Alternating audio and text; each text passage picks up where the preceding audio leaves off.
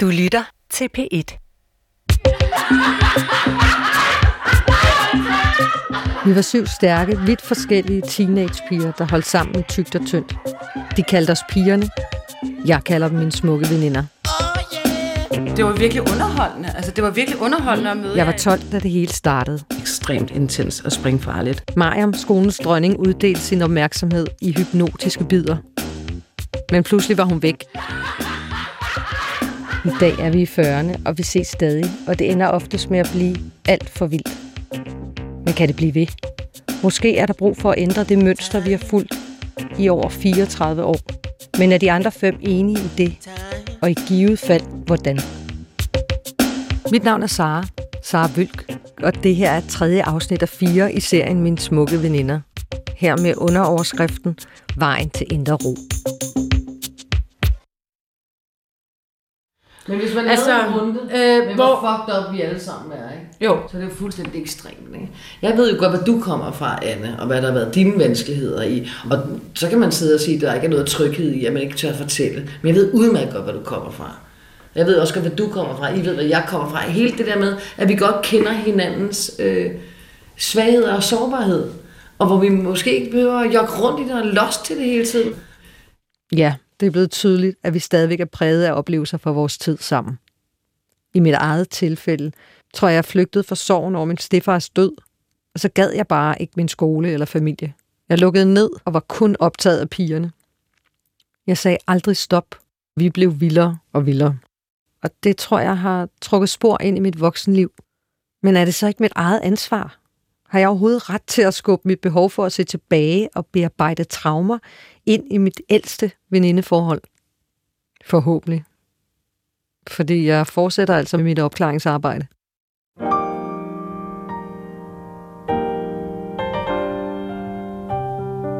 Jeg bliver altid voldsomt nostalgisk, når jeg besøger en Marie, som vi altid har kaldt Anmo. Anmo har sagt ja til at gå en tur i vores barndomskvarter og hen forbi mit barndomshjem, det gamle observatorium.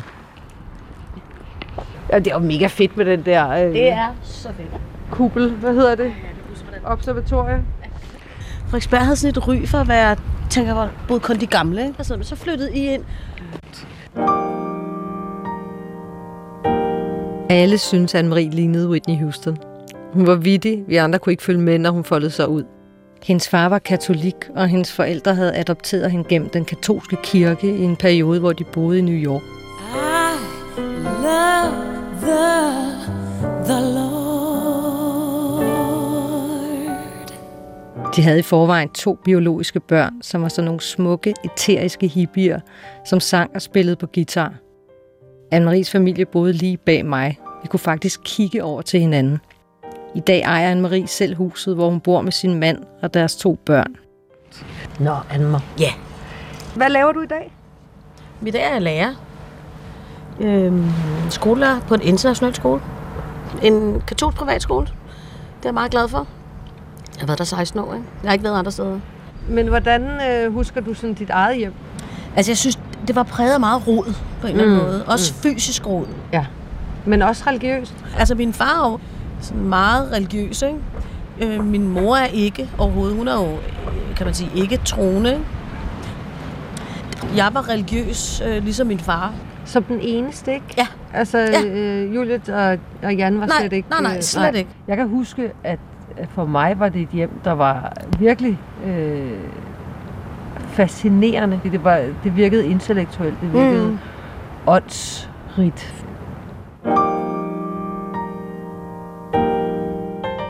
Når jeg konfronterer Anmo med mine problemer med gruppen, er hun ambivalent. Jeg kender fuldstændig følelsen. Det er ambivalent for mig, men forstået på den måde, at altså, det er jo rart, fordi det er folk, der kender en, og det er nogen, man har været barn med, og man har, er blevet voksen sammen med. Men bagsiden af den medalje er jo også, at folk har en forestilling om, at man er den, man er, når man så mødes. Ja. At man ikke bliver set i sine udviklingspunkter. Ja. At vi øh, er så hårde, at man aldrig kommer ned i et sådan lidt øh, følsomt sted, hvor man kan være netop, som du siger, øh, vise noget udvikling. Altså, det bliver bare et replay. Mm. Altså, det replay, det elsker jeg også. Mm. Altså, det er jo ligesom at høre gamle sange. Mm. Altså, jeg har det på samme måde med Pigrum som gamle Prince-nummer, ikke? Mm. Altså, du blev aldrig træt af Kiss. Nej. Jo, lige kiss. Nå, men nu sagde jeg bare noget. Sign of Times. Øh. Ja, ikke? Jeg synes, det er trygt og skønt, at jeg kan synge med, og jeg kender vers 2 og 3 og det. Men, men jeg vil gerne også høre nogle andre sange. Ikke? Det er, det, er, det, er det angsten for at blive for fuld? Nej, det er det ikke. Nej. Så kan jeg bare skride i sengen. Fordi det har jeg. Bange for at blive for fuld, og så blive bevidstløs. og slå mig, eller huske? slå hovedet. Hold eller... kæft, kan du huske dengang. Vi var oppe i sommerhus. Dig og mig. Det, der var det jo. Prøv at høre. Styr Du var jo ved at hoppe ud, ud over kanten. Det var sygt. Men det, det, det, det, det, altså, det var jo igen sådan en, en nærdøds øh, Ja. druk oplevelse. det er jo sådan nogle nærdødsoplevelser, som vi kan ligesom øh, øh, Ej. give hinanden, ikke? Noget af det, som jeg synes, der er også et kæmpe kit i vores venindegruppe, ikke? det er det med, fuck, hvor kan vi have det sjovt. Om. Hold kæft, hvor har vi, nej, hvor kan vi have det skægt, ikke? ja, men det Og grine er de samme ting. hysterisk sjovt. Og jeg synes, vi er hysterisk gode til at grine os selv. Ikke? Ja, ja. De bedste historier faktisk stemmer med en selv. Ja. Og det er der ikke mange gerne, venskaber. gerne selvskaden. Ja, gerne, gerne, gerne selvskade, hvor man kommer lettere amputeret ud af noget med noget alkohol. Hvorfor er det så sjovt? Det er det bare. Jeg tænker, øh, at det kunne være fedt at øh, Ikke at være bange. ikke at være bange, når jeg skal se jer. Kan du have lyst til at lave andre ting med os, end at Ja. bare bæle vin? Det kan du tro. Ja. Det Altså- vil du være åben for. Det vil jeg være åben for. Men altså, jeg vil sige, så skal der også ligge et eller andet aktivt i det. Ikke? Mm. Så synes jeg, vi skal gøre noget. Altså. Ja. Men før jeg forsøger at bryde mønstre, er det vigtigt for mig at finde ud af, hvorfor Mariam forlod gruppen. Og er hun endt et bedre sted end os andre? Jeg vil gøre det, jeg altid har frygtet mest. Det utallige psykologer har lært mig er godt. At eksponere. At udsætte sig selv for det, der vækker din angst. Nemlig at tage kontakt til mig. Hende, jeg beundrede så meget, men som forlod os. Nå, men øhm, nu har jeg simpelthen... Øh, og man kan godt høre min stemme er sådan helt... Hvor er det vildt. Er det vel nu, jeg bare skal ringe? Og man, man tænker over, hvad man skal sige. Så jeg har lagt sådan en lille plan om at fortælle hende, at jeg har været nysgerrig på, hvordan hun, hun har det i, i vildt lang tid. Og om hun har lyst til at mødes og snakke. Og så skal jeg selvfølgelig lige have flettet ind, at det er en del af en podcast. Det, det jeg var fuldstændig ud af den. Hvordan kan det være, at det er så vildt? Det er jo nærmest øh, mere angstprovokerende end eksamener. Det er det.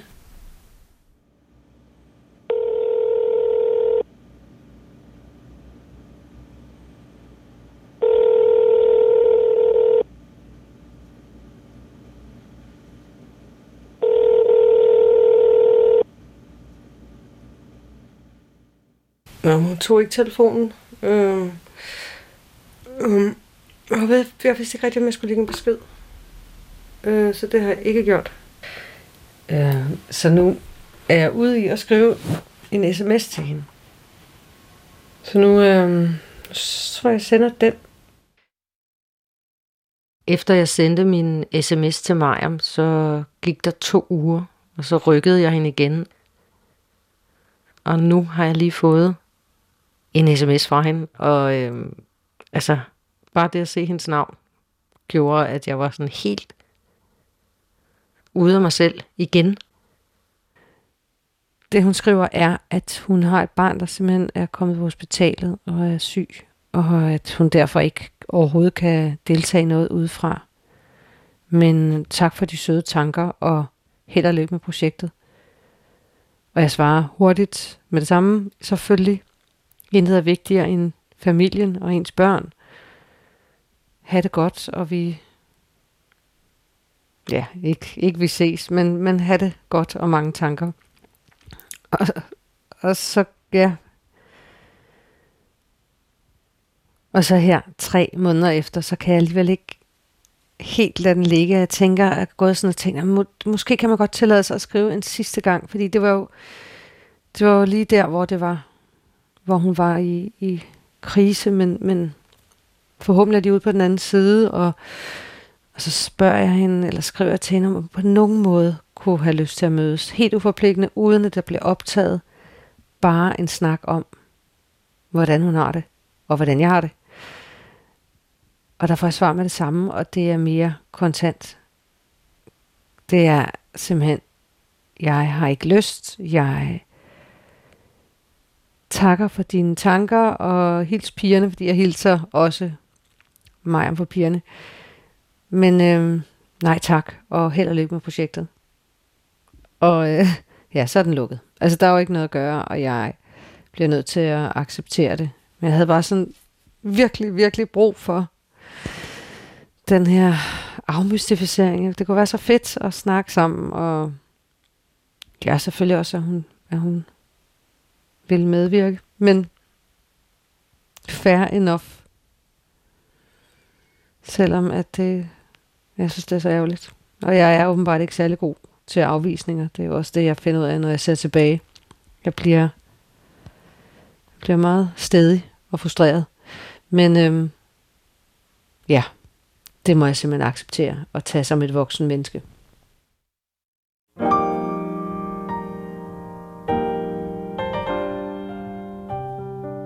Men jeg ved, at Anne-Marie har mødt om flere gange på gaden. Hvad må en Mariam har sagt til Anne-Marie? Mariam, hun, hun var simpelthen... Øhm, hun satte en psykisk dagsorden, ikke? Man vidste aldrig, hvor man havde hende følelsesmæssigt. Mm. Så var man enormt tæt, så var man den, ja, nu den tætteste, og så følte man sig på en eller anden måde, at hun kastede sin, sin glorie over en, og så var man ikke, og så var man ude, så var man inde. Jeg kan huske, da jeg så hende sidste gang, det var da jeg boede nede i Adelgade, Ja. og jeg, jeg havde været inde og drikke en, en cola, eller fanden, en øl, eller whatever, inde på Krasnopolski, hvor vi snakkede om, og hun forklarede lidt og sådan og sådan og sådan, ikke? Det kan jeg bare huske, det var sådan Hvad et sagde hun? møde. Jamen, hun har simpelthen bare brug for at trække sig, og ikke at være en del af det. Øhm, og der var ikke noget personligt i det, der var ikke nogen, hun var vrede på noget, hun har simpelthen bare brug for at trække sig. Det var hendes forklaring, kan man mm. sige til mig. Mm. Men øhm, at jeg så så hende næste gang, hvor hun altså simpelthen var iført niqab, ikke? Mm. Hvor mange år er der gået der? Altså, der er måske gået en tre år, ikke? Og jeg kan tydeligt kende det lille fregnede ansigt. Og, og mest af alt hendes, den måde, hun, hun bærer sig selv på, ikke? Den måde, hun går på. Den måde, hun har sådan meget tydelig måde med hendes baller, man kan se. Kan du huske det? Ja. Der gik sådan, Ja. og du kunne bare se, altså under den niqab kunne jeg kende hendes krop. Ej, jeg kunne kende hendes ansigt. Selvom de store, smukke, røde krøller og, og sådan mørke krøller var væk, ikke? Jeg mm. kunne man ikke se. Og det var niqab. Ja, så siger Gud, hej Mariam. Så siger hun hej, og sådan, hej, og, og sådan virker på en eller anden måde, øh, på en mærkelig måde utrolig rolig. At det var ret evident for mig, at hun havde truffet et, øh, på en eller anden måde, et livsvigtigt valg. Mm. Jeg tror, det har været et spørgsmål om hendes egen eksistens. Ikke? Ja. Hvordan hun er kommet ind, altså og blevet, blevet på den måde øh, øh, religiøs, det kan jeg ikke svare dig på, fordi hendes, hele hendes familie er jo bare øh, øh, bræt er religiøs. Ikke? Mm. Og jeg så hende over en årrække, og hver gang havde hun et nyt barn eller et på vejen. Altså sidste gang jeg mødte hende, det var en tidlig lørdag formiddag, hvor jeg skulle over i, i lavkagehuset og købe et brød. Cyklede hen, så kommer hun storm og skal købe en kage, for hun skal hen til en veninde. Og siger hvis du nogensinde skal have en kage, så skal du tage den med de skovbær, sagde hun. Den er mm. rigtig lækker. Altså hun på en eller anden måde, Mm. så er det sådan et... Mit indtryk er, at hun har fundet fred. Og så spurgte hun, om vi skulle drikke kaffe en dag. Det gjorde hun alligevel, så der har, Ja. altså, Så sagde har jeg, hun det må været meget gerne. i at, at Jeg komme mødte, lidt dybere ind. og så udvekslede vi mobilnummer. Øhm, det blev bare aldrig rigtigt til noget. Hvorfor tror du ikke, hun vil snakke med os? Altså, eller mig? Øh, hvorfor jeg ikke tror, hun vil? Ja. Nej, jeg tror, hvis jeg havde spurgt hende, om vi skulle drikke en kop kaffe, alle fem piger, det ville hun også have afvist. Okay. Det er jeg ret overbevist om. Ja. Øh, og det er simpelthen fordi, jeg tror, at hun øh, har truffet, det er en beslutning, det er en aktiv beslutning for hende, at det er en del af hendes liv, som bare er slut. Når hende selv der siger, ej, kan du huske, jeg ved ikke, hvordan vi kommer til at tale om det. Ej, kan du huske, hvordan vi bare altid, ej, hvor vi drak meget og sådan noget, så sagde hun, det, det, jeg har drukket det, jeg skal i mit liv. Det er hendes oplevelse, mm. at vi er fortabte. Føler du, vi er fortabte? Nej, det gør jeg overhovedet ikke. Jeg føler slet ikke, vi er fortabte. Tværtimod. Men Anno, hvorfor tror du, hun...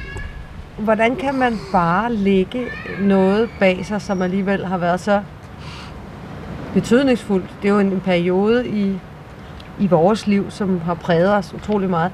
Det har jeg nok svært ved at forstå. Men på en eller anden måde giver det totalt god mening for mig. Mm. Fordi hun virkede på rigtig mange måder ikke særligt fredfyldt, da mm. vi var unge. Det gjorde mm. hun bare ikke. Mm. Nå, men det er det, der er fascinationen for mig. Det er, at hun formåede at holde den der sådan aura, hun havde Men det er, jo det, det er jo det, som... Altså, det er jo det, som guruen kan. Ja. Og man kan vel på mange måder godt kalde hende for en slags guru i den øh, venskabskreds, ikke? Mm. Altså, hun er jo karismatisk og guru-agtig øh, status. Mm. Ikke kun hos pigerne, også hos drengene. Mm. Og det er det, man kan, når man er karismatisk. Ja. Så det er fuldstændig ligegyldigt, hvordan du har det indvendigt. Ja. Når jeg ser hende på gaden, så oplever jeg, at hun stadig har bevaret sin karisma. Ja. Men hun har bare fundet fred. Mm. Magten ligger et andet sted. Den ligger Ja. hos Gud. Mm. Ikke? Og det er bare rart. Ja. Ikke? Mm.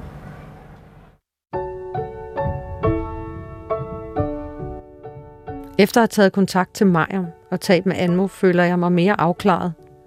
Min fascination af Majam er der ingen, der kan tage fra mig. Men hun var nok ikke det overmenneske, som jeg har gjort hende til. Hun var nok presset af den mystiske personer, hun selv havde skabt. Hun kæmpede ligesom os andre, og grunden til mit dårlige selvværd kan jeg ikke tilskrive hende. Og Mariam, hun er nok et bedre sted nu. Hun har fået indre ro. Hvad det så end betyder.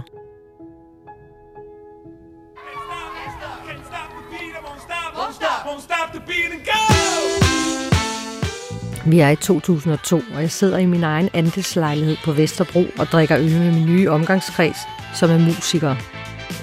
Jeg skal på arbejde på en lokal bar.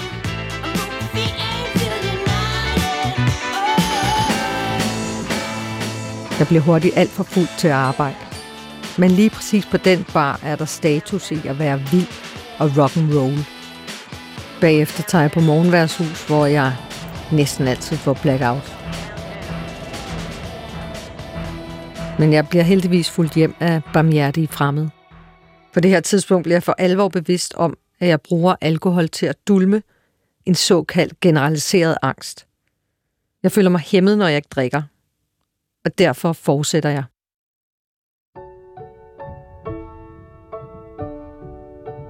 ...2005. Jeg er lige blevet færdig med HF. Jeg har måttet erkende, at det nok er meget godt med en gymnasial uddannelse. Nu er jeg med i en ny pigegruppe. Et pigeband, hvor man tager sig selv seriøst og ikke drikker så meget alkohol. Vi spiser riskiks i øvelokalet og laver åndedrætsøvelser. Det er os, der spiller her.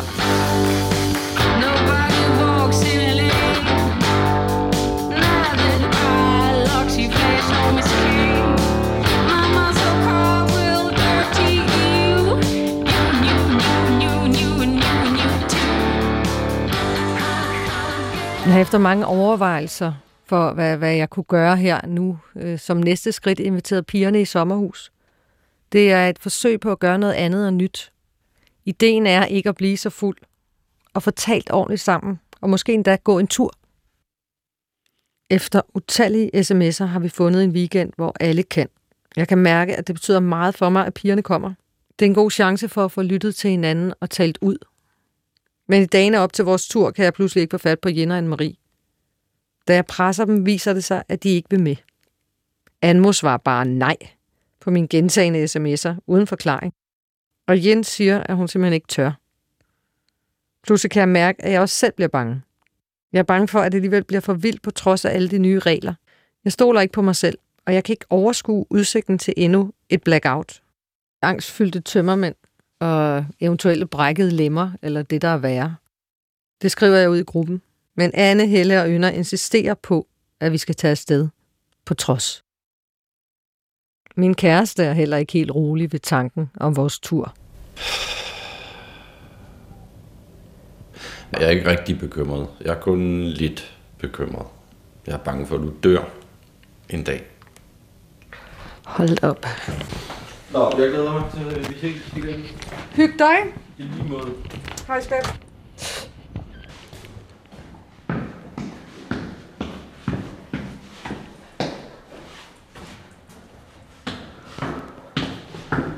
På vej ned til Anne, som øh, er kommet for at hente mig med en te. Det er den nye stil. Hej, Anne. Hej, skat. Var du flot? Og så har du købt en te til mig? Ja.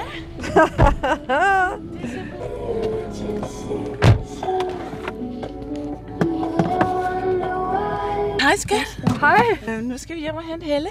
Okay. Ja. Og så... Nå ja, for Søren, fordi Ønder kører selv. Nu er jeg jo her for at hente dig, fordi vi, jeg kan forstå, at hele gruppen har fået, fået angst. Så skal vi lave nogle vejrtrækningsøvelser, så skal vi grounde lidt. Jeg tror simpelthen, at jeg har sat gang i noget. Tror du det alligevel? Ja, totalt masse angstanfald. Hvad fanden sker der, mand? Og folk er 45. Men jeg ved jo godt, det er associeret med, at når vi har lavet de her ture, altså, så bliver det jo sindssygt.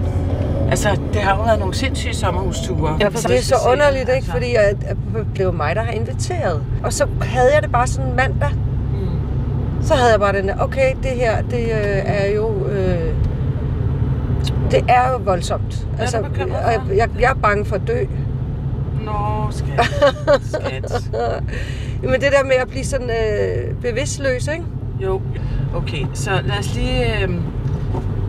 Altså mig og Helle har jo snakket. Ja, det er klart. Og øh, vi er totalt på drikkepolitik og, og så videre. Så Ja. videre ikke? Men, men jeg vil også sige, at jeg bliver ked af det, hvis det er, vi slet ikke drikke. Ja, men det vil også være røv fucking puler sygt, ikke? Altså, det er jo det, der er problemet. Det er problemet. det der sådan med det røvsyg, det kunne godt være et lille trick for angstens eller blackoutens side. Det synes jeg måske ikke, du skal blive sådan helt alene med. Nej. Hej. Hej, hej, hej. Har du hørt på Ynder, Helle? Jeg har lige prøvet at ringe til hende. Okay, hun tager den ikke. Nej. Nej. Den går bare direkte på... Jeg kan ikke komme igennem. Jeg bliver lidt bekymret. Bliver du bekymret? Det skal du ikke være. Det kan ikke lade sig gøre i øjeblikket. Prøv venlig se. Bliver du sådan uh, Du oprigtig? skal ikke være bekymret. Det er jo øh, ikke abnormal opførsel. Eller, altså, Nej, det er godt. hvad er klokken? Den er kvart over fem. Okay. Og vi sidder her tre. Øh, fire. og planen var, at øh, vi skulle være afsted alle seks. Hvad, hvad tænker I om den situation? Hvad siger du, Helle? Åh, oh, hvad tænker jeg? Øhm... Jeg synes, det er mega øv. Jeg har faktisk glædet mig sindssygt meget til, at vi kunne øh, være sammen, uden at være fulde. Jeg synes, det er mega ærgerligt. Jeg synes, det er overordnet, øhm, måske lidt bekymrende og ret barnligt. Ja, jamen, jeg synes at det, det er totalt øh, Altså, dårlig altså, stil ikke at, at tage en invitation alvorlig. Mm. Og Altså, jeg- at Anne-Marie ikke svarer, øh, altså hun ikke engang øh, gider at, at nedværdige sig til at sige øh, nej tak, Sara, men nu skal du høre hvorfor. Jeg er lidt forvirret. Det var jeg faktisk også dengang for mange år siden, da, da Mariam på en eller anden måde forsvandt ikke? for det her sådan, venindeskab. Ikke? Det samme, der udspiller sig lidt nu også. Nogle ved noget, nogle ved ikke det hele. Og, og er, det også, er, det, er det nu mig, der ikke er for forstående? Altså Det i forhold bliver til sådan- Jen, bliver I så også øh, paranoide, om, om hun mener, I er for racistiske til, at hun vil være i sommerhus med jer? Ja, det har vi da alt, alt god grund Altså, jeg til. bliver ikke paranoid omkring det. Mm. Men jeg spekulerer på, om det er derfor, hun fravælger det. Er det rigtigt? Ja, totalt. Nå, nu kører vi fra sommerhuset, og vi er stadigvæk kun tre. Og vi har besluttet os for, at vi skal øh, have fat i de resterende tre og lige høre, hvad skete der? Hvorfor øh, kom I ikke? Quiet when I'm coming home and I'm on my Like it like say I like it like that, like it like that. Men det skal vise sig at blive rigtig besværligt at samles. Og jeg er også ved at miste mod. Er det her i virkeligheden bare mit eget problem? Kan man overhovedet ændre sig, når man er i slutningen af 40'erne? Og så oveni er vi endt i corona-isolation, og tiden går. Men øh, med en afstand imellem os, vi aldrig har prøvet før, og en mikrofon på en lang stang, lykkes det til sidst. Hermed slut for tredje afsnit af Min Smukke Veninder. Jeg hedder Sara Vølk, og det er mig, der har tilrettelagt. Torben Brandt har produceret, og Ida Holten Ebbesen er redaktør. Lyt med på fjerde og sidste afsnit under overskriften En kaffe i solen er bedre end en øl på morgenværshus.